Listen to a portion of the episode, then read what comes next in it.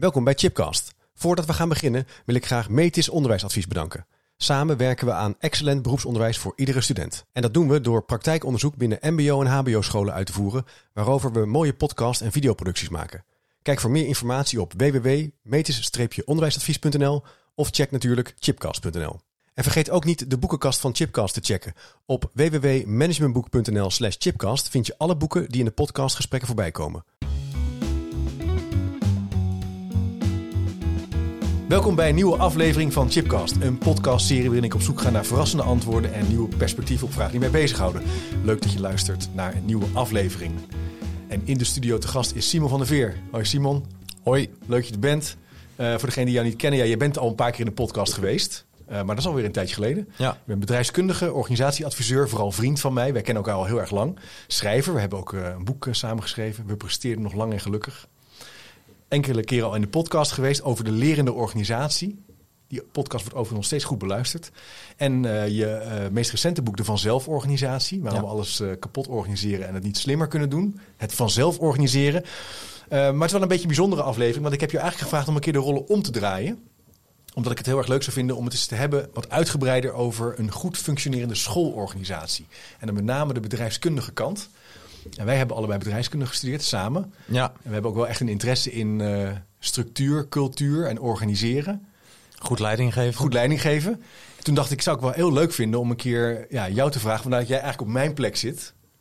Om, uh, we hebben het echt omgedraaid, hè, om, fysiek. Fysiek omgedraaid. Om eens gewoon eens even daarover te converseren. We hebben dat ook voorbereid. En uh, ja, dat was eigenlijk mijn, uh, mijn uit, uitnodiging en aanleiding. Ja. Dus ik zit licht ongemakkelijk aan de andere zijde van de tafel. Ja. Nou ja, valt ik wel mee, maar ja, wat willen we gaan doen? Ja, precies. Nou, leuk. Ja. En leuk ook om die rollen zo om te draaien Ja, in jouw eh, chipkast. Ja, je nam nog even een boekje mee van Co Woutsma. Dat is een dichter die wij allebei eh, zeer waarderen. is een goede vriend van jou. Ja, Zolang de stad maar vrolijk is. zeker. Prachtig boekje. Eh, maar je hebt hem ook geïnterviewd hè, voor jouw podcast. Je Ik- hebt ook een podcast. Ja, outcast. Outcast. Ja, en Co is wel een outcast. Ja, een hele aparte, bijzondere man. Ja. En dat boekje dat gaf je me ook al even cadeau. Dus dat, dat, daar hadden we het al even Misschien over. dat we daar nog wel iets uit kunnen putten. Ja, oh ja? Nou ja, dat weet ik niet, maar dat eh, Ja. laat ik zo een beetje surren op de achtergrond. Ja, is goed. Oké. Ehm, ja, die organisatiekant van een school. Daar zou ik het met jou over willen hebben. En, en, en, en dat was ook de aanleiding, hè? Ja. Ehm, hoe zullen we eens starten? Ja, dat, dat we nu gewoon omdraaien. Ja, dat ik gewoon in de lead ben. Ja, prima. Ja, Ik anders blijf jij maar gewoon ouwe hoeren. is goed. nou, en, en je nodigde me van tevoren ook uit dat je zegt... ja, ik ben nu, eh, weet ik veel, 220 eh, podcasts heb ik zo achter de rug Ja. binnen Chipcast. Ja, ja. Dus ik vind het ook wel interessant om eens een keer zo'n breinaald er doorheen te Ja, steken. ja. En te kijken van, ja, wat resoneert er nou Ja. bij mij? Ja, ja. En wat is nou mijn visie? Ja. Ehm, als, ik, als ik dit zo allemaal distilleer en ook zo spiegel aan mijn eigen praktijkervaringen. Ja, ja. Dus dat vond ik ook wel een interessante... Ja, zeker. Want eh, die- kijk, die podcast is ook een soort platform om ook wat om allerlei geluiden over onderwijs eigenlijk ook uit te nodigen. Dus er zitten ook soms wat tegengestelde geluiden in.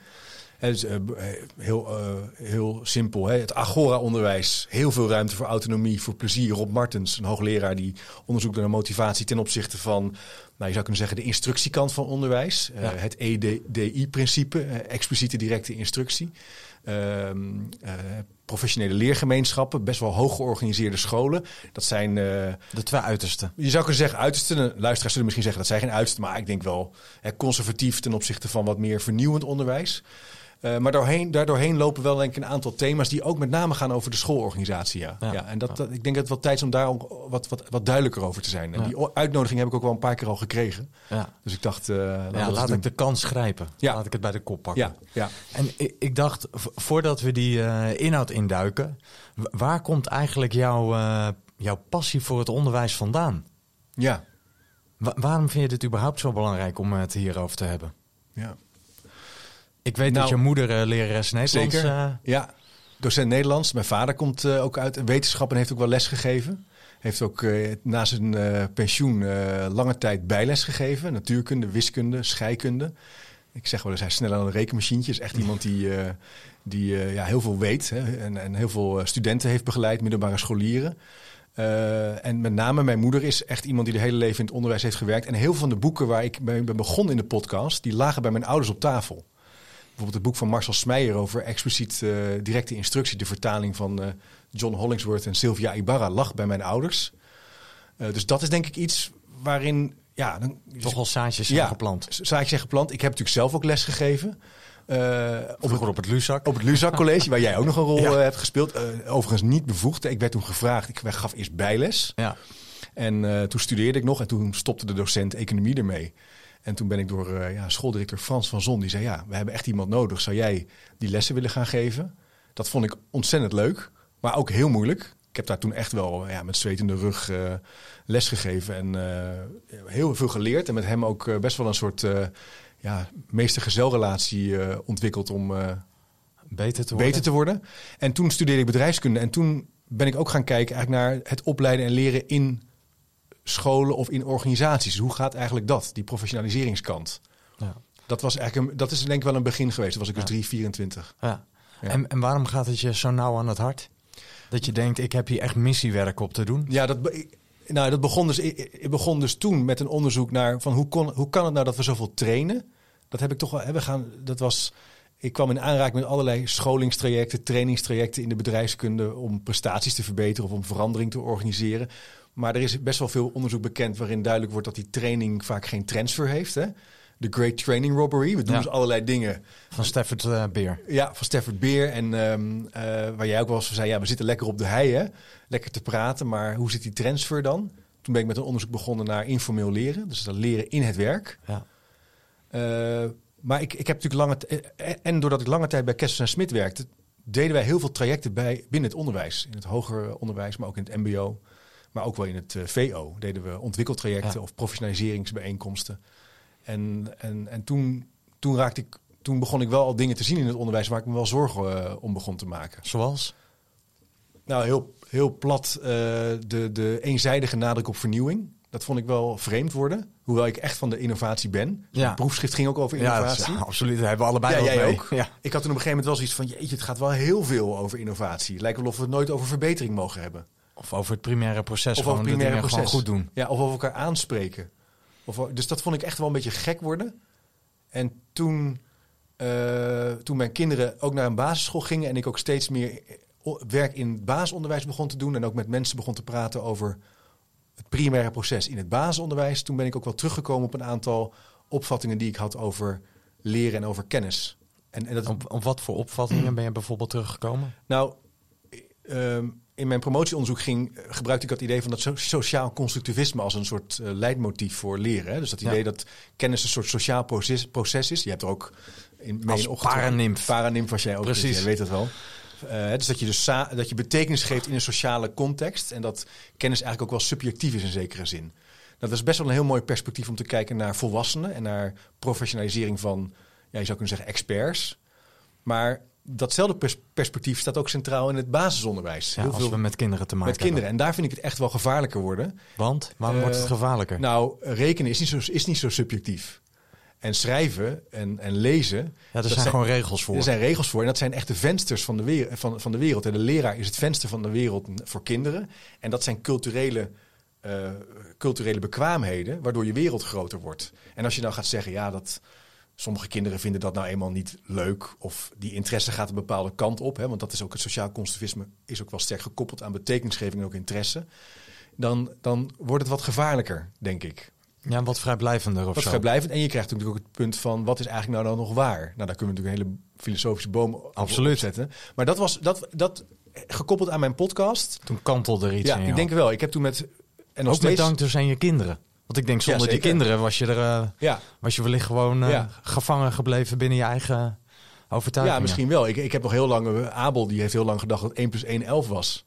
Dat- dat- Door dit boek van jou. Dat, nou, ja, later heb ik daar een boekje over gemaakt. de bundeling van die columns. Die, omdat mijn kind zit op een Montessori school. En dat is een ontzettend leuke school. Maar dat gaat heel, daar is heel veel ook aan het voor zelf, Ont- zelforganiserend leren, zelforganiserend werken. Wat minder tijd voor instructie, denk ik. Ook wel, maar minder. En eh, uiteindelijk is het goed gekomen. Hij weet nu al dat 1 plus 1 eh, niet 11 is. Maar dat was voor mij een soort ervaring waarin ik dat steeds meer begon te zien. En ook steeds meer met leerkrachten en schoolleiders begon te praten over die, die vraagstukken in het onderwijs. En over het, je zou kunnen zeggen, de gebrekkige aandacht die er nog is voor kennis op de basisschool. Voor kennisoverdracht ook. Ja. En er zijn mensen die zullen zeggen dat is allemaal niet zo. Maar ik denk wel als ik 200 afleveringen terugkijk, dat we met, met redelijke betrouwbaarheid kunnen zeggen dat ons curriculum, met name in het basisonderwijs, minder kennisrijk is dan vroeger. Ja, en is dat erg dan? Nou, ik denk wel als we het hebben over bijvoorbeeld eh, wat veel in de, in de nu in het nieuws is, de ontlezingen en eh, eh, fake news, maar ook bijvoorbeeld participatie, actieve participatie in de samenleving. Daar heb je wel kennis voor nodig. En doordat je meer kennis hebt, kan je ook beter participeren en meedoen. Ja. Het is niet gezegd dat als je weinig weet, dat je ook een actieve burger gaat worden. Nee. Het gaat nu heel erg over burgerschap bijvoorbeeld. Nou, dat vind ik een woord waar, wat ik wat ingewikkeld vind, omdat het ook vrij politiek beladen is. Maar democratische participatie is belangrijk, maar dat vraagt wel weer kennis. Ja. Uh, een ander voorbeeld, eh, pak eens een rekenboekje van 50, 60 jaar geleden en kijk naar wat er in, hoe dat boekje eruit zag. Dan zie je eigenlijk een aantal dingen. Is dat een rekenboekje op een basisschool in die tijd dunner was? Veel dunner, 20 pagina's, 25. En veel moeilijker. En dat die kinderen dat allemaal konden. En nu zijn de boekjes heel dik. Of het zijn computers. Ze zijn heel mooi vormgegeven. En ze zijn heel realistisch. Maar de kinderen rekenen niet meer zo goed. En dat zie je bijvoorbeeld ook bij lezen. Uh, kinderen hebben moeite met het lang, lang de aandacht vasthouden op een stuk tekst. Dus tekstbegrip en diepere kennis is, is veel minder dan vroeger.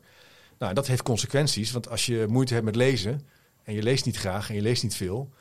Uh, uh, 80% van het schooladvies is gebaseerd op begrijpend lezen. Ja, dat zal betekenen dat je dus een lager advies kan krijgen. Ja. En dat heeft dus, laten we ook even economisch bedrijfskundig kijken. Dat kan een modaal salaris schelen. Ja.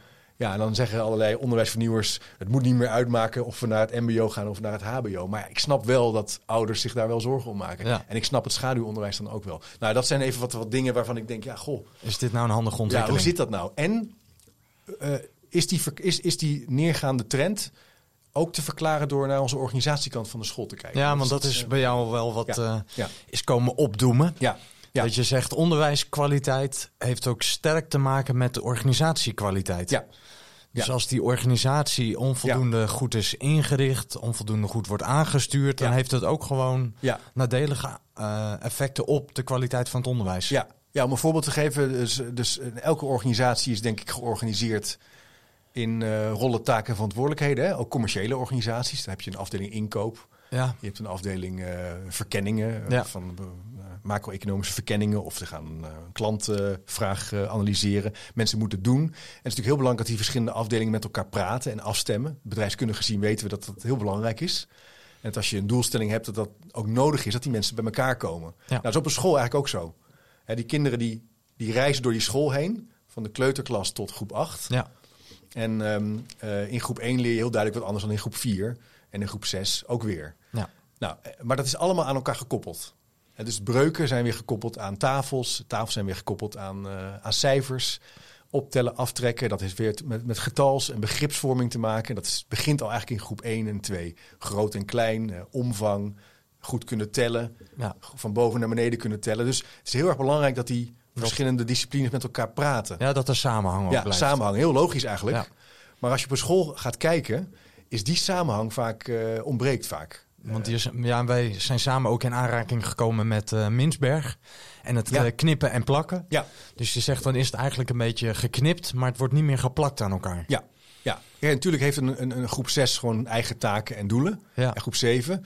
Maar het kan heel goed zijn dat als bijvoorbeeld de breuken uh, niet lekker lopen, uh, dat dat al in groep 4 of in groep 3 eigenlijk al aan het ontstaan is. Ja. En dat betekent dus dat die experts, want leerkrachten zijn experts, zijn vakmannen en vrouwen, dat die dus met elkaar moeten uitwisselen. Van hoe gaat het met deze ja, leerling? Ja, en lessen moeten bespreken en Ja. terug moeten kijken op toetsen. Een Ja. ander punt.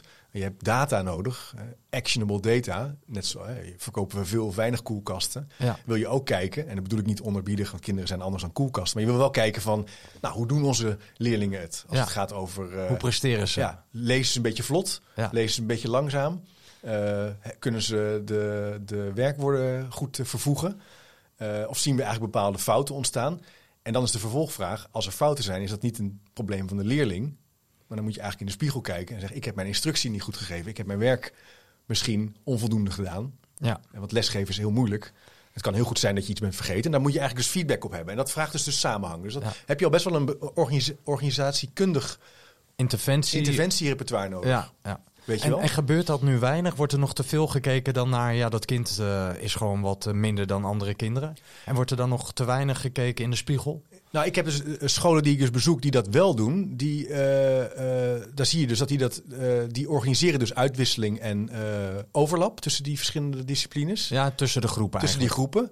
Elke week. Ja, Liefst twee keer in de week. Nou, dan, ik denk dat twee luisteraars... keer in de week is best fors. Dat is best fors. Op een basisschool, denk ik. Ja, drie kwartier tot een half uur in leerteams of in netwerken, maar bij elkaar komen. Dat moet je dus doen. Als je dat dus niet ziet, als dat dus niet gebeurt, is de kans groter dat je eigenlijk problemen gaat zien in, in de resultaten van, van leerlingen. Ja. Eh, en helemaal over een langere lijn. En dan kan je dus ook eh, bijvoorbeeld ehm, leesmotivatie, dat wordt nu vaak gekoppeld aan de bovenbouw. Hè. Ja, hè, in de middenbouw lezen ze nog wel graag. En dan in de bovenbouw dan wordt dat minder. Hoe komt dat nou?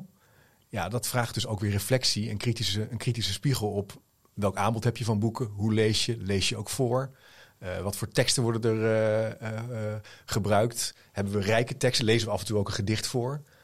Scholen die dat dus goed doen, die laten ook zien dat die kinderen het dus ook leuker en lekkerder vinden om te lezen. Ja. Als je dat dus niet doet, ja, dan krijg je op een gegeven moment zo'n eindpunt. Ja, kinderen vinden lezen niet meer leuk. Ja, dat is natuurlijk een soort heel armoedige, armoedig standpunt, vind ik. ja. Overigens, maar een ander punt. De vraag is of het allemaal leuk moet zijn. Maar ja, dat is misschien een andere podcast. Want, Nou, ja, ik weet dat jij daar ook nogal scherp op bent. Dat je zegt, ja, soms is het ook gewoon even niet leuk, maar wel gewoon nodig. ja, kijk, da- da- dan kom je eigenlijk op een hoofdvraag. Waar, je, eh, waar we in deze podcast zeker over moeten hebben. Die organisatiekundige kant start met de vraag: wat is eigenlijk de bedoeling van ons onderwijs? En dat komt eigenlijk terug op deze vraag. Ja, Wat willen we eigenlijk? missie. Ja, wat is onze permanente opdracht? Inderdaad, Ja, de missie. ja. De, de opdracht die nooit stopt. Als je een antwoord geeft, wij vinden dat kinderen het leuk moeten vinden op school, krijg je een hele andere school dan als je zegt, wij vinden dat kinderen heel veel moeten leren op school. Dat ze lekker veel kennis aangereikt krijgen, dat ze veel weten. Dat is een heel fundamenteel verschil. Ja. En ik denk dat we leven zeker in een tijd waarin er veel meer nadruk is op dat het leuk moet zijn. Ja. Dat is motivatie. Zolang ze maar zichzelf kunnen ontplooien, Ja. eigen talenten Ja. kunnen En dat het ontwikkelen. dan ook bijna vanzelf gaat gebeuren. Ja. Dus ik denk dat als we het hebben over die organisatiekandige kunt, kant, hebben we het over, nou, waar we net mee starten. Dus een organisatie heeft dus afstemming en, en, en verschillende taken, rollen en verantwoordelijkheden nodig, leiderschap daarop. Maar daarachter zit de vraag, wat bedoelen we eigenlijk hier met onze permanente opdracht? Ja. Eh, dus ik heb, ik heb bijvoorbeeld voorbeelden gezien van een team waar een, een groep binnen het team zegt: Ja, die kinderen moeten het gewoon leuk hebben hier. Ze moeten met plezier naar school gaan. En dat is een startpunt voor naar hun curriculum te kijken. En naar het wat. ja. Maar je hebt ook mensen die zeggen: Nou, onze opdracht is juist kennis. Ja, en dan krijg je dus eigenlijk al. Dus daar moet je toch, denk ik wel. eh, Een soort cohesie of een soort scherpte met elkaar in bewandelen. Van Ja. even alles leuk en aardig. ja. Ja. Maar dit is wel de essentie waarom we hier eh, op aarde zijn. Of waarom we deze school op deze manier met elkaar aansturen of Ja. inrichten. Ja, en, en Nederland is natuurlijk een heel erg eh, praktisch land, hè, heel erg handelsgericht. Dus het is dominee en koopman tegelijkertijd, vind ik. Dus we zeggen het eigenlijk allemaal. Het moet en leuk zijn, en intrinsiek, en kennisrijk. En, en, en al- we, we stapelen alles op in die school. Burgerschap, eh, duurzaamheid, eh, eh, LBTKU, Paarse Donderdagen. Dat komt allemaal erbij. En ik denk dat je eigenlijk bij die organisatiekantige kun- kant daarvoor dus de vraag moet stellen... wat is eigenlijk wel en niet hier de, de opdracht? Ja, dus ook Ja. durven focussen. Ja. En een heleboel dingen naast je neer eigenlijk durven leggen. Ja, dat is wel de consequentie. Dus Ja. eh, in de bedrijfskunde zie je ook dat er is een onderzoek gedaan naar eh, longevity ooit. Hè. Ik weet niet of je dat nog weet, die bedrijven die al echt honderden jaren bestaan. Hè. Ja. Dus hele oude bedrijven. Ja. Wat hebben die nou gemeen? Ja, die, die kiezen heel duidelijk. ja, en daar zijn ze ook heel trouw aan. Ja. Ja. Dus eh, ja, we, jij hebt ook André de Waal volgens mij in je, in je podcast gehad. Ja. Nou, dat was mijn afstudeerbegeleider, dus zo kennen we hem Ja. samen. Nou ja, die heeft er ook veel onderzoek naar gedaan. Dus er zit gewoon een hele duidelijke focus op, op de lange termijn. Ja. Van ja, wa- waar kiezen we voor? En Ja. waar kiezen we dus ook niet voor? Ja, ja. En ik denk dat dat, hè, want je hebt eh ja, vijf en een half uur per dag met die kinderen ongeveer. En daarna heb je nog wat tijd om te overleggen en administratie te doen. Dus je moet heel kritisch kijken in die week wat je wel en niet wil doen. En daar moet je dus ook leiding op durven te geven. Dus dan kom je ook bij het punt van leiderschap. Eh, het leiderschap vandaag de dag, wat in de mode is, is natuurlijk dat alles... Coachend. Ja, Coachend coachend, ja, dienend. Ja, we geven de kaders aan, maar daarbinnen mogen Ja. mensen Ja. hun eigen keuzes ja, maken. Ja, ja, en ik ben ook heel erg voor dat als dat kan, dat je coacht. Ja. Maar een leider moet ook leiding geven. En, wat mag- betekent dat dan? Nou, dus die koers eh, scherp krijgen. Ja. En zeggen wat er wel en niet gaat gebeuren. en het team daarin meenemen en ook een hoge lat neerleggen. Niet een hoge lat naar kinderen neerleggen, moet je ook doen. Ja. Eh, veel leren, veel kennis, wat het ook is. Maar een hoge lat naar de professionaliteit eigenlijk van je team. Ja, en je benadrukt ook expliciet het woord team. Ja, Dus ook eh, da- daar moet ook veel aandacht voor zijn. Ja. Van hoe functioneren Ja. we ook goed met elkaar Ja. als een team. ja. In plaats van als een stel losse individuen die eigenlijk weinig afstemming met elkaar hebben. Wat je namelijk kan krijgen, om een voorbeeld dan weer te geven. Ik ben bij een school geweest waar, eh, wat een, waar de resultaten eigenlijk eh, vrij laag zijn. En ook, dus het lezen loopt niet lekker, het rekenen loopt niet lekker. En dat loopt in de afgelopen jaren terug, zie je dat gebeuren. Ehm, maar waar je binnen dat team dus collega's hebt die een leergang kindercoaching volgen. Of een leergang ehm, bewegend rekenen volgen. En dat zijn eigenlijk allemaal interventies die totaal geen relatie hebben. eh, niet wetenschappelijk, maar ook wel als je een beetje gezond verstand eh, gebruikt op het eh, goed leren lezen van kinderen. En, en dat, En is dat zo? Ja, Ja. nou ja, nou, kijk, weet je, je ik kan heb die informatie Nee, niet, dus nou, ik kan het niet beoordelen. Kijk, als je, als je zou starten bij de vraag: eh, hoe, hoe, hoe, hoe, wat is er nodig om kinderen goed te leren lezen? Dat is eigenlijk wel vrij duidelijk in een school. Ja. Didactisch gezien, eh, en dan zullen allerlei mensen nu zeggen dat is niet waar, maar ik denk wel dat we 80, 90 procent wel redelijk weten. Hè, dat, eh, wat is er nodig om te leren lezen? Dat is een, een leerkracht die zelf veel leest. Eén, twee kinderboeken per week. Dat je goed de, overzicht hebt op literatuur. Ja. Die actief en goede instructie kan geven. eh, die veel herhaalt. Die literatuur ook gebruikt in alle vakken. Dus niet op vrijdag eh begrijp het lezen dagje via nieuwsbegrip, maar eigenlijk gedurende de week rijke teksten gebruiken. Die kinderen helpt om zelf eh, te lezen, eh, hardop lezen, eh, in stilte lezen. Die, eh, nou ja, ik zie dat jij bijvoorbeeld ook meeschrijft, die kinderen uitdaagt om mee te schrijven. Nou, zo zijn er best wel een aantal kenmerken Ja, eh, waarvan we gewoon weten, internationaal ook, ja maar dat, ook in Nederland. dat doet ertoe om goed Ja. eh, te leren is lezen. geen, dat is geen rocket science, Nee. eigenlijk, eh, durf ik te zeggen. Nee. En, dan, en dan zie je dat soort initiatieven als een soort afleidingen. Ja, of geldverspilling, hè? Zo kan je, nog, ik ben er nog wel scherper op. Je kan je Ja. afvragen of dat zin heeft. Ja. Maar voor de mensen die daarvoor kiezen, die zullen ongetwijfeld denken: ja, dit is nodig om mijn, mijn, mijn werk beter te kunnen ja, doen. Ja. ja, dan kan je dus afvragen, is, is, is dit vak een vrij beroep? Dus dan, krijg je, dan, dan kom je eigenlijk op de vervolgvraag na die, die visie. Hè, wat is de permanente opdracht van onderwijs? Dan kom je eigenlijk daarna op, je, wat is je visie op professionaliseren? Dus als je, als je die permanente opdracht scherp hebt, kan je daarna gaan kijken. Als je permanente opdracht is om kinderen te helpen om een eigen identiteit te vinden. Nou, dat kan. Als Ja. dat, dat mag in Nederland, Ja. als je dat wil. Je hebt ook wel je te verhouden aan bepaalde wetgeving. Dan zou een kindercoach wel kunnen helpen. Ja. Maar, en mijn, na, mijn voorkeur zou toch wel gaan naar...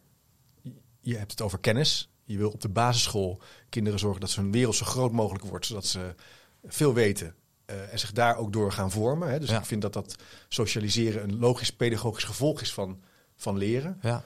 Ehm, dan kom je denk ik op een andere professionaliseringsroute dan, een, eh, dan, een, eh, dan bewegend leren. Dus je, ja, je doet ook een soort beroep op het ontwikkelen van een scherp toetsingskader. Ja, dus Dat gekoppeld is aan die kernopdracht. Ja, Dat ja. je waaraan je kunt toetsen. Ja, Draagt dit bij aan onze Ja. kernopdracht? Of eh, Ja. is het gewoon, nou, waar jij zin in hebt, eh, maak er iets moois van? ja, ja en als jij denkt dat het bijdraagt aan beter onderwijs, dan eh, doe het vooral. Ja. ja, dus die kan je natuurlijk ook wel evidence-based, du- mag je ook wel wat meer evidence-based werken. We weten heel veel dingen die werken. Hou, doe een goede analyse op de resultaten en kijk dan wat de meest kansrijke interventies zijn. Ja. Om op middellange termijn en lange termijn te verbeteren. Dan ga je naar je korte, de korte termijn interventies kijken. En dan ga je in drie, vier jaar heel veel effect zien. Ja. Maar dit is, wel, dit is een heel spannend punt. Want hier, heel veel leerkrachten willen zich hier niet in laten vangen. Vind ik. Ik vind dat echt een, een spannend punt. Die willen dat, dat, dat die professionele standaard niet altijd eh leidend laten zijn ten opzichte van hun autonomie van de, als docent of als leer, leraar. Ja, en met dat professionele standaard bedoel je eigenlijk dat toetsingskader. Ja. En een eigen autonomie, dat mag echt niet in het gedrang komen. Dus Nee. er moet gewoon veel Nee. vrijheid blijven om daarin je eigen keuzes te kunnen maken. ja. Maar ja, het punt is natuurlijk dat autonomie ook kan doorslaan naar eigen wijsheid. Of eh, zoals Manon Ruiters heeft gezegd, naar amateurisme. Amateurisme, ja. Ja. En zo, dus zo heb ik zelf ook ervaren dat, en ik geef al lange tijd ook les op de universiteit. Sinds ik collega's uitnodig om naar mijn lessen te kijken, ontdek ik dat mijn lessen eigenlijk helemaal niet zo goed zijn. Eh, ik kan als, dat je het zelf zegt. nee, maar je, je- ik, ik heb de neiging om bijvoorbeeld eh, eh, helemaal geen voorkennis te checken. En heel snel te gaan beginnen met een verhaal en heel veel woorden erbij te halen en dan lang te gaan vertellen. Ehm, en ik heb eigenlijk ontdekt dat, dat studenten dan weinig onthouden. Nou, en dat is eigenlijk heel belangrijk om te ontdekken.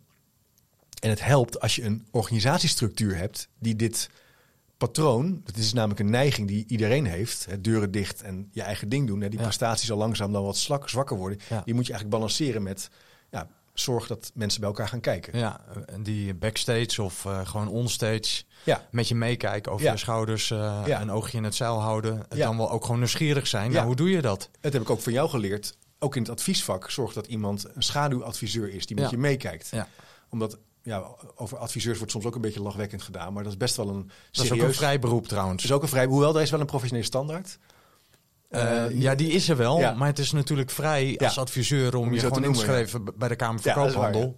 ja. En eh, ja, elke koekenbakker in Nederland kan gewoon met dat adviesbak of vak aan de slag gaan. Ja. Maar je zal het punt dus moeten zien te balanceren. En dat kan je dus doen door bij elkaar te kijken. Dat moet je dus verankeren. Ik vind dat een school daar eigenlijk, dat een leider daarop moet sturen. Dat er eigenlijk elke week of elke maand dat mensen bij, bij elkaar kijken. Dat kan je organiseren. En je kan het doen door na de lessen lessen te ontwerpen. Dat is ook een belangrijke structuurkant. Samen lessen voorbereiden. Hè? Hoe Ja. ga je eigenlijk je aankomende dag erna hè, de les geven? Eh, lessen oefenen. Dat is ook iets wat je echt kan doen. Heeft gewoon impact. Ja. En lessen nabespreken aan de hand van data. Ja. Je kan natuurlijk heel mooi met digitalisering kijken naar eh, eh, nou ja, de output van, eh, van leerlingen. En ik bedoel echt niet dat we dan alleen maar moeten toetsen. Maar je Nee, hebt met allemaal. KPI's. Nee, maar ja, je hebt wel iets van actionable data nodig. Ja, van waar kijken we naar om te toetsen? Was Ja. dit een goede les? Ja, dat kan je in de les doen, Ja. maar je kan het ook daarna doen. Ja. En ik denk dat scholen, dat, in, dat die organisatiekant, dat dat dus absoluut nodig is. En dat als we het hebben over de huidige onder, onderwijsdiscussie, dat dat een fundamenteel punt is waar we gewoon de bal laten vallen. Ja, waar het eigenlijk weinig over gaat. Heel hè? weinig. Ja. dus je doet ook wel een oproep over die basis op orde. Ja. Ja. Dat is voor jou wel echt een fundamenteel Ja. thema. Hè? Dat je Ja. zegt dat gaat vooral eigenlijk over basisvaardigheden en dat versterken. En eigenlijk te weinig over de basis in de manier van organiseren en aansturen. Ja, en het leuke is, dat maakt namelijk ook dat het dat vak van leerkracht wordt daardoor gewoon veel leuker en interessanter. Want je ziet gewoon, net zoals bij, bij een sport, dat als je zo gaat kijken naar je sport of naar je hobby of naar je vak, dat je constant kan blijven leren. Dat je altijd beter kan worden in het activeren van voorkennis. Dat je altijd kan zoeken naar een nieuwe instructie, passend binnen de filosofie die je hebt. Hey, en wat maakt nou... Want eh, ik zat ook te denken aan Hans Vermaken en de drie vrolijke V's en de drie boze B's. Ja, dus, eh, noem ze even. Ja, de vrolijke V's gaan over vak, vakcollega's, vakontwikkeling. Ja. Dus daar zit vaak eigenlijk altijd de primaire motivatie van Ja. mensen. Eh, nou, dat ze plezier halen uit hun werk Ja. en gemotiveerd raken door hun werk, door hun vak. En om het samen met eh, collega's dat vak te beoefenen. En vervolgens ook samen met die collega's dat vak te ontwikkelen. Ja, En de drie boze B's, baas, beleid, bureaucratie. ja, Dat zijn vaak demotiverende Ja. factoren. ja. Eh, dus daarmee maak je niet het verschil. Ja. Maar dat moet je wel goed op orde hebben. ja. Want anders komen die drie vrolijke V's, ja, ja die worden niet vrolijk. Nee, Eh, Nee. Dus daar zijn mensen vaak altijd boos over in de organisatie. Ja. Weet je, ik heb een slechte baas Ja. die niet naar me luistert. Dat beleid hier is gewoon ruk. ja. Eh, en hoe we het hier hebben georganiseerd, de bureaucratie, dat is alleen maar stroperig en eh, sloopt alle energie eruit. Ja. Ja, dat is een heel belangrijk punt wat je hier aanhaalt. Want het leiders, als we dat punt van leiderschap even uithalen. Dat leiderschap is dus wel geënt op een aantal bekwaamheden die je gewoon goed moet beheersen in een school. ja. Dus een zichtbare schoolleider die eh, dit aanjaagt en die die feedbackloop aanjaagt en die stuurt op verbetering, is natuurlijk heel fundamenteel. Als jij als schoolleider niet stuurt op verbetering van het lezen of van het rekenen, maar je eigenlijk bezig bent met vernieuwing, ja, dat vind ik het eigenlijk ook wel een, vind ik dat eigenlijk ook wel een moreel vraagstuk waar je, waar, je, waar je ook voor in de spiegel mag kijken. ja. Natuurlijk, mag je, natuurlijk is vernieuwing ook onderdeel van ons vak en vernieuwing kan ook heel mooi zijn. Nou, om de ramen eigenlijk altijd open te houden. Precies. Dus je moet lezen, je Ja. moet eh, kijken bij andere scholen. Ja, trends volgen. Ja, maar bijvoorbeeld het punt van leerpleinen. Laten we dat maar even bij de kop plakken. Wat je steeds vaker ziet zijn scholen die eh, de muren uit eh, lokalen halen. En eigenlijk zeggen, nou, een school kan eigenlijk ook een soort grote plek zijn... waar leerlingen open space. open space kantoren. Daar zijn we ook wel van teruggekomen vanwege de herrie. Ehm, en leerplein zijn dan plekken waar leerlingen als het ware door de ruimte heen bewegen. En zelfstandiger aan de gang gaan met opdrachten. Unitonderwijs is daar ook wel aangekoppeld, maar leerplein is nog wat radicaler. En de leerkracht is dan ook wat meer een coach. Een facilitator. Een facilitator die als het ware rondloopt. Nou, er zijn best een aantal scholen die dat op zich goed doen. Dus het is niet alleen maar dat het in Nederland slecht gaat. Maar scholen met een hoge schoolweging, oftewel een sociaal zwakkere afkomst, dus dat zijn eh, dus wat kansarmere buurten. kansarmere buurten. eh, die krijgen een hogere weging. Dan krijg je overigens ook meer geld hè, van, de, van het Rijk. Eh, hoge schoolweging en eh, een leerplein. Ik heb geen enkele school gezien in Nederland die dan eh, eh, de streefniveaus haalt. Eh, Ja. Wel de, de, de, de, het minimaniveau, hoewel dat ook af en toe al door, het, door dan zakken ze ook al door het ijs. Maar hoger dan het F-niveau wordt het dus niet gehaald. Dus er wordt allerlei dingen worden er gezegd over vernieuwing in het basisonderwijs. Maar het lukt dus niet om die, om die kinderen af te leveren. En je kan nog steeds hè, in groep 8 naar een middelbare school op een hoog niveau. Ja, dat is dus wel ernstig, Ja. vind ik. En is het te makkelijk om dat de kinderen te verwijten? Dan is het vooral dat de docenten dan wel de schoolleider in de spiegel moeten kijken. Ja, Van- ja eh, precies. Of wie moet er dan in de spiegel kijken? Nou ja, dus de, de, de, vandaag de dag krijgen be- besturen veel de schuld. Dat vind ik ook. Ik, ik, ik zou wat minder in die. Er is wel duidelijk een, een trend gaande eh, van vernieuwing. Waarin we allemaal heel erg in zijn gaan geloven. En eh, ik denk ook wel dat veel scholengemeenschappen ook zoekende zijn. En bestuurders ook wel van ja, wat is mijn rol hier? En ook zijn gaan geloven in dit soort vernieuwingsbewegingen. Ja, een beetje de kleren van de keizer-achtige mooie vergezichten. En we hebben daar ooit een sprookjesboek over geschreven. Ja, Aange, aangezwengeld door eh, hele mooie boekjes die daarover worden geschreven. absoluut. Die, die niet wetenschappelijk onderbouwd zijn. Nou, jij schreef ook een boek Verslaafd aan organiseren. Ja. En daar stond ook in Verslaafd aan de visie. Eh, hè, dus om voortdurend maar... Ja, eh, de grootste en meeslepende visie. Nou zijn er ook echt wel scholen die... er zijn ook hele leuke leerpleinen. Dus het is niet alleen maar slecht. nee. Maar als je het hebt over die hoge... Dus gelijke kansen. Groot thema nu vandaag de Ja. dag. En je, zit in een, in een, je komt in een wijk waarin je dus een hoge schoolweging hebt. En je bent dit soort vernieuwingen aan het doorvoeren. Ja, dan mag je wel heel erg goed achter je oren krabben. Of je dat organisatiekundig ook zo kan krijgen dat het gaat werken. Ja. Dat vraag ik me echt af. Ja. Maar als je nu luistert en ik, ik heb ongelijk, dan hoor ik je graag. Ik ja, heb, dan ik word je ze- uitgenodigd Ja, ik heb ze nog niet gezien. Ik heb ze nog niet gezien. Hey, en ik, want ik was nog eh, aan het puzzelen met... Ja, wat maakt nou dat het zo uit het blikveld valt? Weet je, die organisatiekundige kant. ja. Want blijkbaar Ja. die drie vrolijke feest. Ja. En ik denk die schoolleiders zijn vaak zelf ook gewoon Ja, professionals die eh, een soort dubbelfunctie hebben. Dus die zelf ook voor de klas staan. Die misschien ook wel niet altijd in de wieg zijn gelegd of Nee. zijn opgeleid Nee. als eh, manager of om dat goed aan te sturen. Dus ik denk, ja, wat maakt het nou logisch dat het daar zo weinig over gaat? ja. Ik heb er wel wat ideeën over. Misschien aan de hand van, eh, van drie voorbeelden. Ik heb bijvoorbeeld een, eh, een podcastgesprek gehad met de schooldirecteur van eh, OBS de Vonkel, openbare basisschool de Vonkel in Tilburg. Een andere school, de Drie Koningenschool in de Meern. En de Rotterdam Schoutaanpak in, in Rotterdam. Onder andere het Open Venster. Wat je daar ziet, bij, dat zijn dus drie scholen in verschillende regio's. Die werken dus eigenlijk heel gestructureerd aan verbetering. Dat is niet altijd heel erg leuk. Dus het is ook gewoon heel hard, heel gedisciplineerd en heel lang daaraan werken. En ik denk dat we dat niet zo graag willen in het onderwijs. Dat vinden we gewoon moeilijk. Het kost ook een paar jaar. Dat zei die directeur van de Drie Koningen school ook, Dave van der Geer. Hij zei, je bent gewoon drie, vier, vijf jaar bezig. Ja, om, om dat Om, de in basis, te op, slijten. het ritme erop te sturen. Stoïcijns doorontwikkelen noemde hij dat. Ja. En dat vinden we gewoon niet zo leuk. Ik denk dat eh, dat, dat, dat punt van eh, dat hoog presteren of het goed doen ook heel veel tijd kost. eh, heel veel effort. Eh, net zoals trainen voor een topprestatie. Hè, eh, is gewoon elke dag ervoor gaan staan. En ja, dat vinden we moeilijk. Ik vind echt dat we in een tijd leven van, van wel de lusten, maar niet de lasten. En ik Ja. vind dat echt in, een, in, in bedrijfskundig een, een- een punt. We gaan dus liever naar een studiedag en een scholingsdag over het spelende kind... dan dat we gaan over eh, eh, leesindicatoren uitlezen van de CITO. Of, Nee, maar eh, dat bedoel ik ook ja. met die drie vrolijke Ja, en de ja, drie boze ja, Die vrolijke feest, ja, daar raken mensen vrolijk van. ja, Dus daar gaat alle aandacht naartoe. ja, Maar die mensen dus die in dat vak zitten, die hebben eigenlijk helemaal geen zin in die, in die beest. nee. Nee. Maar je hebt wel mensen nodig binnen zo'n school die zeggen: ja, maar ik ga me daar wel in verdiepen. Ja. Ik vind dat wel Ja, belangrijk, want ja. ik weet als we dat niet goed op orde hebben, dan gaan we nooit het, goed het verschil maken met ons vak. Ja, Of dat versnipperd. Zeker, dus die, bij die Drie ook. Wat, eh, en hij komt binnenkort ook in de podcast. Ik heb hem al een paar keer gesproken met Dave. Ik- We gaan er ook een artikel over schrijven. Hij zei, je moet dus ook bestuurlijk... moet er één lijn zijn hoe we kijken naar onze permanente opdracht. Die eerste vraag. Ja. Als dat dan niet is, kan je het vergeten, zegt hij. Dus dat is ook een oproep naar de luisteraar. Er moet synergie zijn in wat je eigenlijk wil met die school. Ja. En als je dat niet hebt, ja, dan, dan wordt het echt heel moeilijk om aan continu verbeteren te werken. En nogmaals, continu verbeteren is niet iets, een soort bedrijfsmatig, soort eh, het vet eraf halen en steeds optimaler. Maar gewoon kijken naar, Nou, en continu verbeteren wordt ook gekoppeld aan lean. Dus je zou het ook weer bijna kunnen koppelen Ja. aan die ehm, eh, managementmodetaal. ja, stichting Maar dat- leerkracht. Maar het gaat over goed kijken, hoe, wat doen we hier goed? Hoe leren onze kinderen? Ja, de Welke- Plan do Check Act. Ja, de Wat kunnen, we, ja, wat kunnen we beter doen? En dat is toch wel prestatiemanagement. Ja. Dat is dus de organisatiekant. eh, en, Soms heeft dat ook alweer een, een lelijke klank gekregen.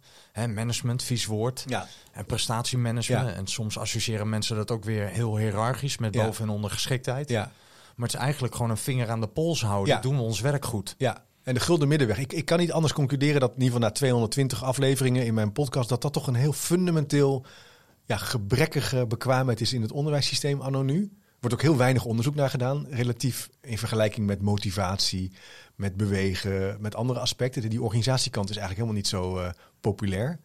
Eh, en toch wel best wel een, eh, een soort kern Nou, als je het hebt over organiseren. nou, het is bijna randvoorwaardelijk. Ja. Van als je dat niet goed op orde hebt, dan is het ja, de, Ja. de, de- de manier om succesvol eigenlijk te kunnen zijn als school, om Ja. goed te functioneren, Ja. wordt ondermijnd. Ja, maar het is dus ook zo, het is dus belangrijk bij instructie, maar ook belangrijk bij een Montessori school. Ook belangrijk bij een Dalton school, ook belangrijk bij eh, eh, eh, het Agora-onderwijs. Ja. Elke visie moet uiteindelijk georganiseerd worden en organisatie, daar heb je geen ruimte om dat maar zomaar aan toeval over te laten denken. Dat, dat vraagt toch. En dan kom je op het punt van focus. Hè. Er er moeten ook niet 7, 8, 9, 10 doelen zijn, maar eigenlijk een, een school waar het lekker loopt, die hebben drie, Nou ja. misschien vier. Ik vergelijk het altijd met Donald Duck. Die heeft ook drie neefjes. Drie koningen.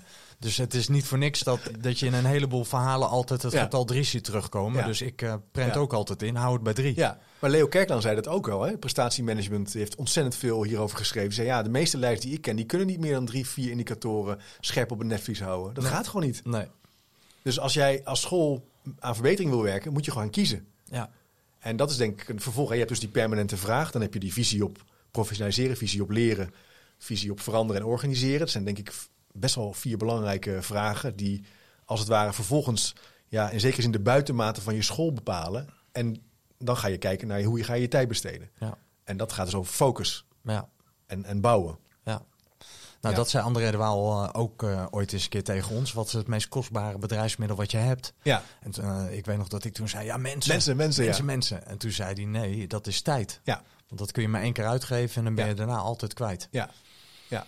Dus dat Ja, ja, maar dat is- me wel getriggerd. Dat tuurlijk, je ook kritisch is kijkt, heel belangrijk. geven we die tijd met elkaar aan uit? Ja, dus als je het hebt over bijvoorbeeld studiedagen. En school heeft elk jaar een aantal studiedagen. En dan ga je professionaliseren. Dat is natuurlijk heel belangrijk dat je dat dan koppelt aan die focus. Ja, want dat is indirecte tijd. Als Dat is de tijd, precies. Dat we bedrijfskundig naar als je kijken. dat ver- ver- verpest. Of verkwanselt Ja. aan uh, nou, weer een vernieuwingsdag. Ja. En we gaan weer Of brainstormen. een leuke dag.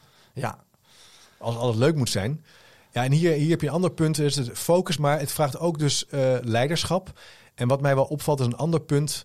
eh, en misschien, het vraagt, wacht even, het vraagt leiderschap. Dat klinkt Nou ja, sturing, een hè, beetje focus. een beetje groot. nou ja, het vraagt dus sturing. Eh vraagt dus iemand die, die ook durft te zeggen: dit gaan we wel doen en dit gaan we niet doen. Ja, Nou, de ene zal dat participatiever aanpakken in zijn stijl dan de ander. De Ja. ene is wat meer directief misschien dan de ander zal zeggen: ik ga dat met het team doen. Maar je moet wel focussen. ja. En anders krijg je een soort ja, wat laissez-faire-achtig. We doen alles maar een beetje. ja, en vrijheid, blijheid. Ja.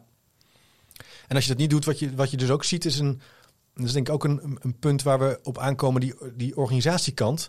Wat je in scholen ziet, is dat het niet sturen zorgt voor allerlei bypasses en interne hiërarchie. Verborgen interne hiërarchie. Bijvoorbeeld, je hebt intern begeleiders. Dat zijn eigenlijk mensen die eh, zich specialiseren naar een soort begeleidingsrol binnen de school. Ik heb daar eerder een podcast over genomen, opgenomen. Eh, het risico is dat dat een soort tussenlaag wordt.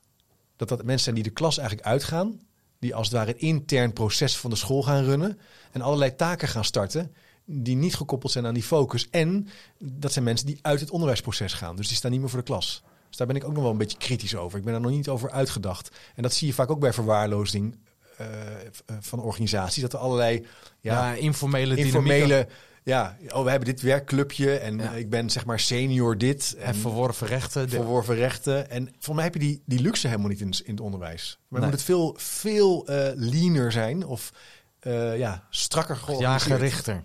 denk ik. Ja, Maar goed, ik weet niet hoe jij daarnaar kijkt. Nou, de- ja, ik, ik zit niet zo diep in het onderwijs zoals jij dat zit. Dus ik kan natuurlijk minder goed beoordelen ja, wa- wat voor ervaringen Ja. je allemaal opdoet en wat je allemaal ziet. Dus eh, ja, ik zie mijn kinderen op de basisschool. Dus ja, dat is Ja, mijn eh, ja, ja. NS1. Ja, ik heb altijd geleerd in de journalistiek. eh nog niet NS1 genoeg. is NS0. Ja. Dus je hebt meer eh, referentiemateriaal nodig om dat te kunnen duiden.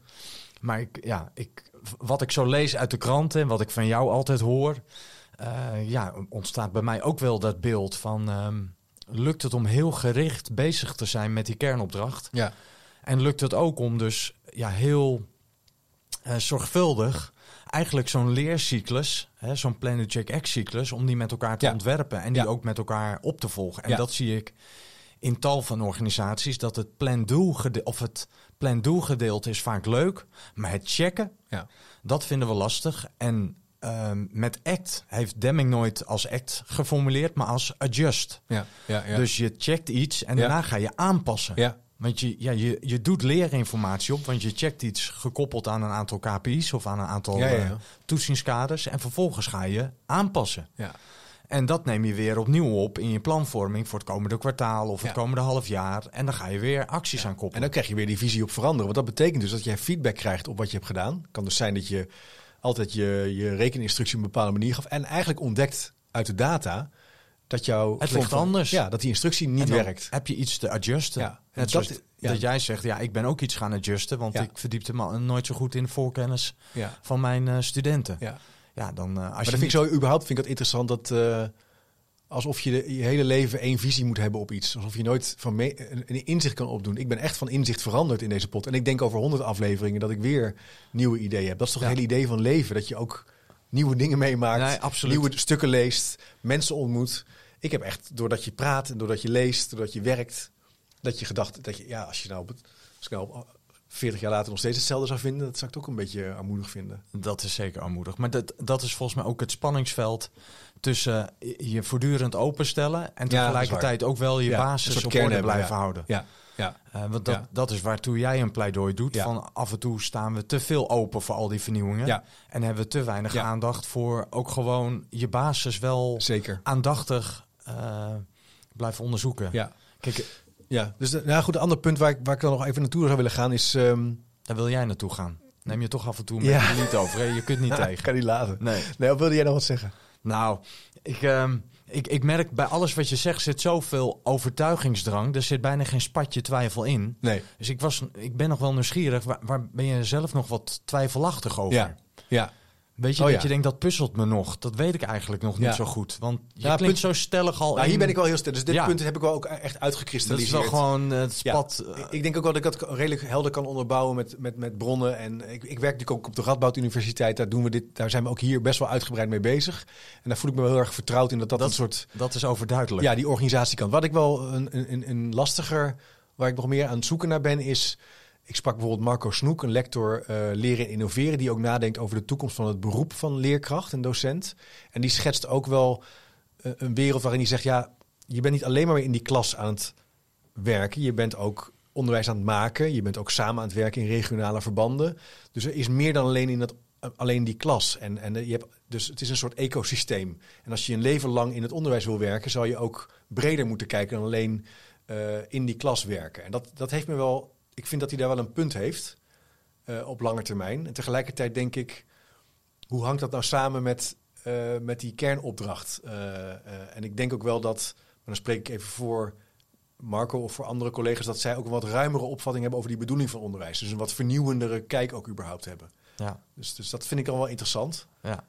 Hoe, dat, hoe zich dat dan verhoudt, verhoudt tot elkaar. Ja. Ehm, en een ander punt is. ehm, eh, en overigens is dat al 20, 30 jaar zagen we dat aankomen. Net zoals het woningtekort overigens. Hè. Je hoeft alleen maar naar de data te kijken. 30 jaar geleden dan zag je gewoon, hè, er komen steeds meer mensen bij. Ja, als we geen huizen blijven bijbouwen, zijn er op een gegeven moment te weinig huizen. Nou, dat Ja. zie je ook in het onderwijs. Als we nu niet meer mensen op de PABO gaan krijgen, ja, dan komen er tekorten. Ja. Best wel logisch. En dat gaat gewoon extrapoleren. Er gaat een enorme vergrijzingsgolf nu aankomen. Dus je gaat, er gaan nog meer tekorten komen op middelbare scholen. Dat gaat echt nog veel erger worden. Ook als je ziet op de, midden, op de universiteit dat er steeds minder mensen bijvoorbeeld Grieks en Latijn kiezen of, eh, of het eh, wiskundedocent worden. Dus dat zijn wel hele grote vragen die Daarvan kan je zeggen, ja, je moet iemand in de klas hebben, maar je weet gewoon al dat dat lastig gaat worden Ja. op scholen. En ik, ik heb daar niet direct een antwoord op wat, hoe je dat gaat organiseren. Je zult dan wel ook wat heilige huisjes omver moeten gaan kegelen, denk ik. Ja, en dan kom je met dat koopmannen en we willen van Ja, alles wat. men-. Ja, Ja. mentaliteit in Nederland Ja. redden we het ook niet. Nee, maar we hebben wel, ik vind wel, en dat durf dat, dat wij, wij doen vrij neerbuigend over kennis. Alsof het iets is wat heel makkelijk kinderen wel tot zich nemen. Maar kennis is zo ontzettend belangrijk. Je denkt echt met kennis.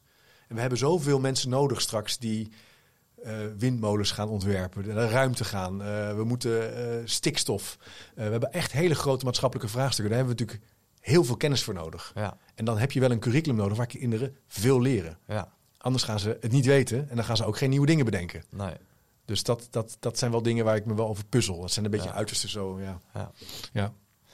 Hey, en ehm, eh, een paar minuten geleden had je zoiets, ja, ik wil het hier nog wel echt over Ja, hebben. nou ja, ja. Of, of is dat inmiddels wat eh, bedaard? Dat wordt nu alweer wat rustiger, hè? Nee, Ja. ja. ik vind wel dat punt van lange termijn focus zou ik wel nog willen, eh, willen aanhalen. Dus dat een organisatieontwikkeling of een schoolontwikkeling drie, vier, vijf jaar minimaal nemen om heel gestructureerd ja, die een organisatie te maken. en ook die samenhang met Ja. elkaar te, Ja. op te zoeken en te bewaken. Ja, hè, wat André de Waal ook zei, een lange termijn strategie. En uh, Hetty, ook een bekende uh, onderwijsonderzoeker, die zei ja, als elke leerkracht één keer per jaar iets beter doet, dan heeft het enorme consequenties voor een school op drie, vier jaar. Ja. En dus, dus lange termijn visie, vasthouden, goed nadenken. En niet in die waan van de dag je laten meebewegen met allerlei ja, skutraketten die als het ware van buiten naar binnen komen, waar je Ja. weer wat mee moet.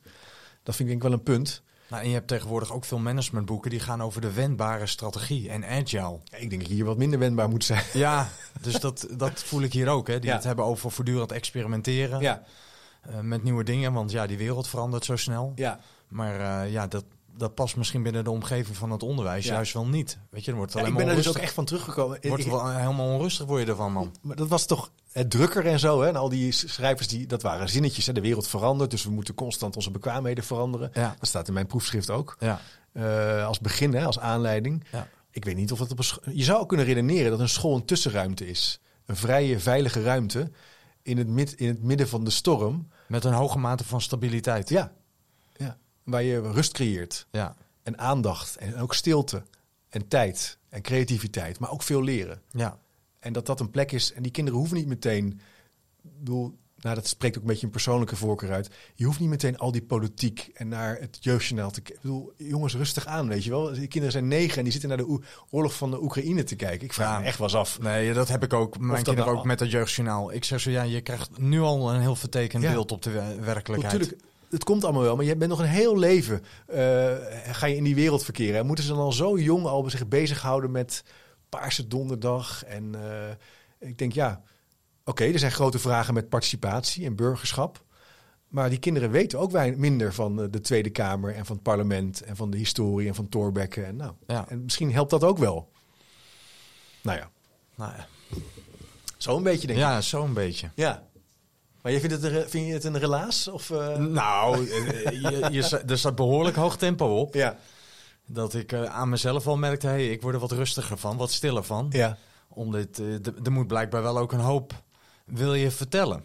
Weet je, dus Ja. het was wel duidelijk. Ik snap nu wel dat je zegt, ja, er borrelde iets op in mijn systeem. Ja. En Ja. elke keer in Chipcast nodig ik natuurlijk anderen uit om het podium te pakken. Ja, ja. Ik heb het hier ook wel over hoor, mensen. Het is niet dat ik nou helemaal niks zeg hoor, maar... Nee, maar het was wel duidelijk Ja. nu. Ik, ik sta nu al op een punt dat ik ook nu wel even scherp wil zijn. Ja, ik wil de lijn ook even... En ik heb ook eh, in, het, wel, eh, eh, in het najaar het vak curriculum implementatie gegeven aan de Radboud... waarin deze redenering eigenlijk helemaal is uitgewerkt. Dus die staat bij mij ook wel scherp voor het, voor het, voor het oog, of- op het netvlies. Ja. Ja. Ja, maar het heeft kunnen gisten in je systeem. En Ja. nu kwam je wel Ja. even dat ik dacht... Ja, je dacht ik, ik wil wel even dat licht laten schijnen. Ja, nee, het lijkt me gewoon leuk om hier ook eh, het aankomend jaar... Nou ja, meer scholen te bezoeken die dit ook Ja. doen. En meer die organisatiekant ook eh, Te belichten, te belichten. Ik wil er ook wat meer over gaan schrijven. Ja. Dus daar ben ik ook bezig met onder andere met Dave van der Geer. Dus die ik al even noemde van de Drie Koningen. Zijn we samen een stuk over aan het schrijven. En eh, ik denk dat je dat leren ook zichtbaar kan maken. Die organisatie kan zichtbaar maken. Niet alleen het leren van kinderen, maar ook het leren van, die, van dat team eigenlijk. Hè? Ja. Dat dat ook een manier is van professionaliseren waar we best wel wat meer het over mogen hebben. Ja, Ja. ja. Nou ja, interessant. En eh, ja, de- deze fascinatie delen we beide. Ja, Ik denk, ehm, ik, ik zit, word vaak ook uitgenodigd op die drie boze bees. Ja. Ja. Dus die drie vrolijke feesten. Ik wil niet zeggen dat ik ze voor lief neem. Ik vind dat ook boeiend. Maar Ja. eh, ik, ik kijk vooral altijd daarnaar. ja. Hoe zijn de bazen in verbinding met zichzelf en met hun mensen? Ja. Vanuit welke visie eh, maken ze keuzes? En hoe hebben ze het hier georganiseerd allemaal ingericht? ja, dat zijn toch wel drie hele belangrijke... Ja, dat vind ik heel erg interessant. Dat, eh, Ja. ja. dat fascineert. En dat Ja. is ook een ver- verdomd lastig en onderzoekend proces. Ja. Nou, je zou kunnen redeneren dat die sch- schooldirecteur daar dus een hele belangrijke rol in heeft. En het zou dus ook, wat mij betreft, wat minder moeten dat je dat alleen maar ook overlaat aan het team. Dat je als het ware zegt, nou, dat, dat hele, die schoolcultuur, dat doen we allemaal samen. Ja, tuurlijk doe je dat samen, maar er moet iemand verantwoordelijk voor zijn. En als er iemand voor verantwoordelijk is, is het de leider, denk ik. En, en eh, leer jij inmiddels al uit de praktijk dat schoolleiders bijvoorbeeld elkaar ook al opzoeken om het hier samen over te hebben? Weet je, waarin ze een soort collegiale toetsing Het gebeurt wel. en Ik, ik, professionalisering ja. met elkaar organiseren? Nou, onder andere die, die school in eh, Tilburg, de Vonkel, daar zie je wel dat, dat ze dat dus doen. Hè? Dus die hebben dus uitwisseling en organiseren eigenlijk ook leerteams over de scholen heen. Dus die directeuren wisselen uit. Maar binnen eenzelfde Ja, koepelorganisatie? dat doen ze dan binnen, binnen een stichting. En ik zie het ook bij ehm, eh, SKO West-Friesland, waar ik een eh, project doe met eh, onder andere Martin Ooyevaar. Daar hebben we ook een zelfevaluatieproces ingericht. Waar ik dan ook een rol in heb om ze eigenlijk ook, ook de schoollijst bij elkaar te brengen. En praktijkvragen uit te wisselen. En eigenlijk dit, deze redenering door te denken. Maar ook te bespreken wat zijn dilemma's die je tegenkomt. En dat, Ja. Maar op bestuurlijk niveau gebeurt het bijvoorbeeld niet zo heel veel volgens mij. Denk ik. Maar Nee. eh, ik heb het idee dat bestuurders eh, sowieso staan die niet echt in een goed licht nu. Ook een beetje eenzijdig, hè, want er wordt veel gezegd van ja, dat zijn als het ware de kwade geniussen met de lump sum financiering, die doen het allemaal. Ja. Ik denk nou, eerst was de adviseur kreeg de schuld, toen de politiek. Nu hebben we wat betere ministers en dan krijgen nu de. Ja, de Ik vind het wat bestuurders- eenzijdig. Ja. Ik zou er wat systemischer naar willen kijken, om het even zo te zeggen. Ja, ja, en er zit ook een voorgeschiedenis aan. Precies, hoewel het wel kan. hè, Geld bepaalt wel veel. Hè? Ja. Hoe komt het geld binnen? Ja. En hoe wordt het uitgegeven, hebben we Ja. van jou geleerd. Bepaalt voor grote mate de cultuur. Ja, absoluut. Dus daar mag je ook wel naar kijken. Maar ik denk wel dat dat meer zou moeten kunnen. Maar dan moet je ook weer prioriteiten stellen. Want anders zijn ze ook te druk. Dus je zou toch moeten kiezen. Ja, nou, en zij hebben ook een begeleidende rol te vervullen naar die Ja. schoolleiders toe. Ja.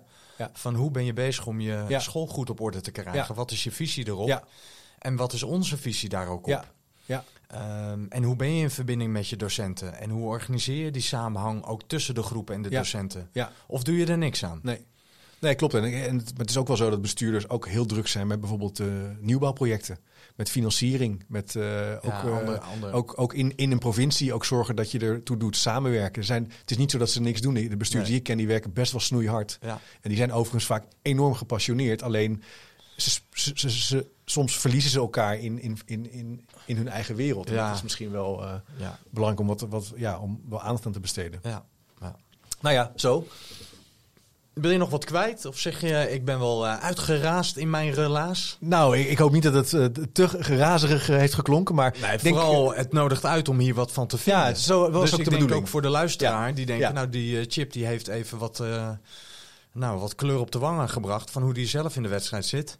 Ja, En dit nodigt ook wel uit van eh, als ik het hiermee eens ben, eh, nou dan eh, krijg je het wellicht te horen. Maar vooral ook als je het hiermee oneens bent, dan ja, zeker. Maar dat is ook spreek jou aan. Dat is echt de bedoeling ook van, de- van de podcastserie. Een platform voor verschillende geluiden. Dus als je het luistert, beluistert en denkt ik, wil, hier- ik, ik vind hier wat van. Dan kan je gewoon via chipcast.nl slash vraag altijd een berichtje inspreken zelfs. Ja, Of mailen. Kan ook via Twitter of LinkedIn of Instagram.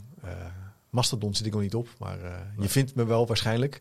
Dus ik hoop dat we dat gewoon het aankomend jaar eh, blijven doen. En Ja. eh, misschien dat jij nog een keer kan terugkomen dan. ja nou, ik vind dat spel ook gewoon boeiend. Van, eh, vooral als het gaat over die schoolleiders en hoe zij werken aan hun professionalisering. Ja, ja. Even los van hoe ze het zelf doen als docent, Ja. nee, maar hoe doe ik het in mijn rol als schoolleider? Ja. En welke kennis gebruiken zij ook om die drie boze B's goed op orde te krijgen? Van drie boze B's en drie vrolijke vrees. Vees. Feest, ja. Bedankt voor het luisteren, Simon. Bedankt. Ehm, zal ik de afkondiging dan doen? Ja, doe, eh, doe maar. Weet je, dan, ik geef het stokje bij deze weer over aan jou. Dankjewel. Ik vond het in ieder geval leuk om jou eh, nou, zo een beetje te begeleiden. Ja, ja. En eh, Luisterend een oor. beetje met je mee te reizen. Zeker. En af en toe hier een speldenprik uit te delen of te denken van nou even stop hier en licht dit nog eens toe. Ja. Dus uh, dank dat je me even toeliet in die rol. was een groot plezier. En als je nu luistert en dus denkt van hé, hey, ik wil hier meer over weten of ik ben het hiermee oneens, ga dan even naar chipcast.nl. Dan kan je altijd melden en meedoen in de dialoog. Vergeet je ook niet te abonneren. Ik vind het heel fijn als je de tijd wil nemen om een review of recensie te schrijven op Spotify of Apple Podcasts of YouTube. Dat helpt enorm. Hoe eerlijker, hoe beter. En ik zou zeggen, bedankt voor het luisteren en tot de volgende keer.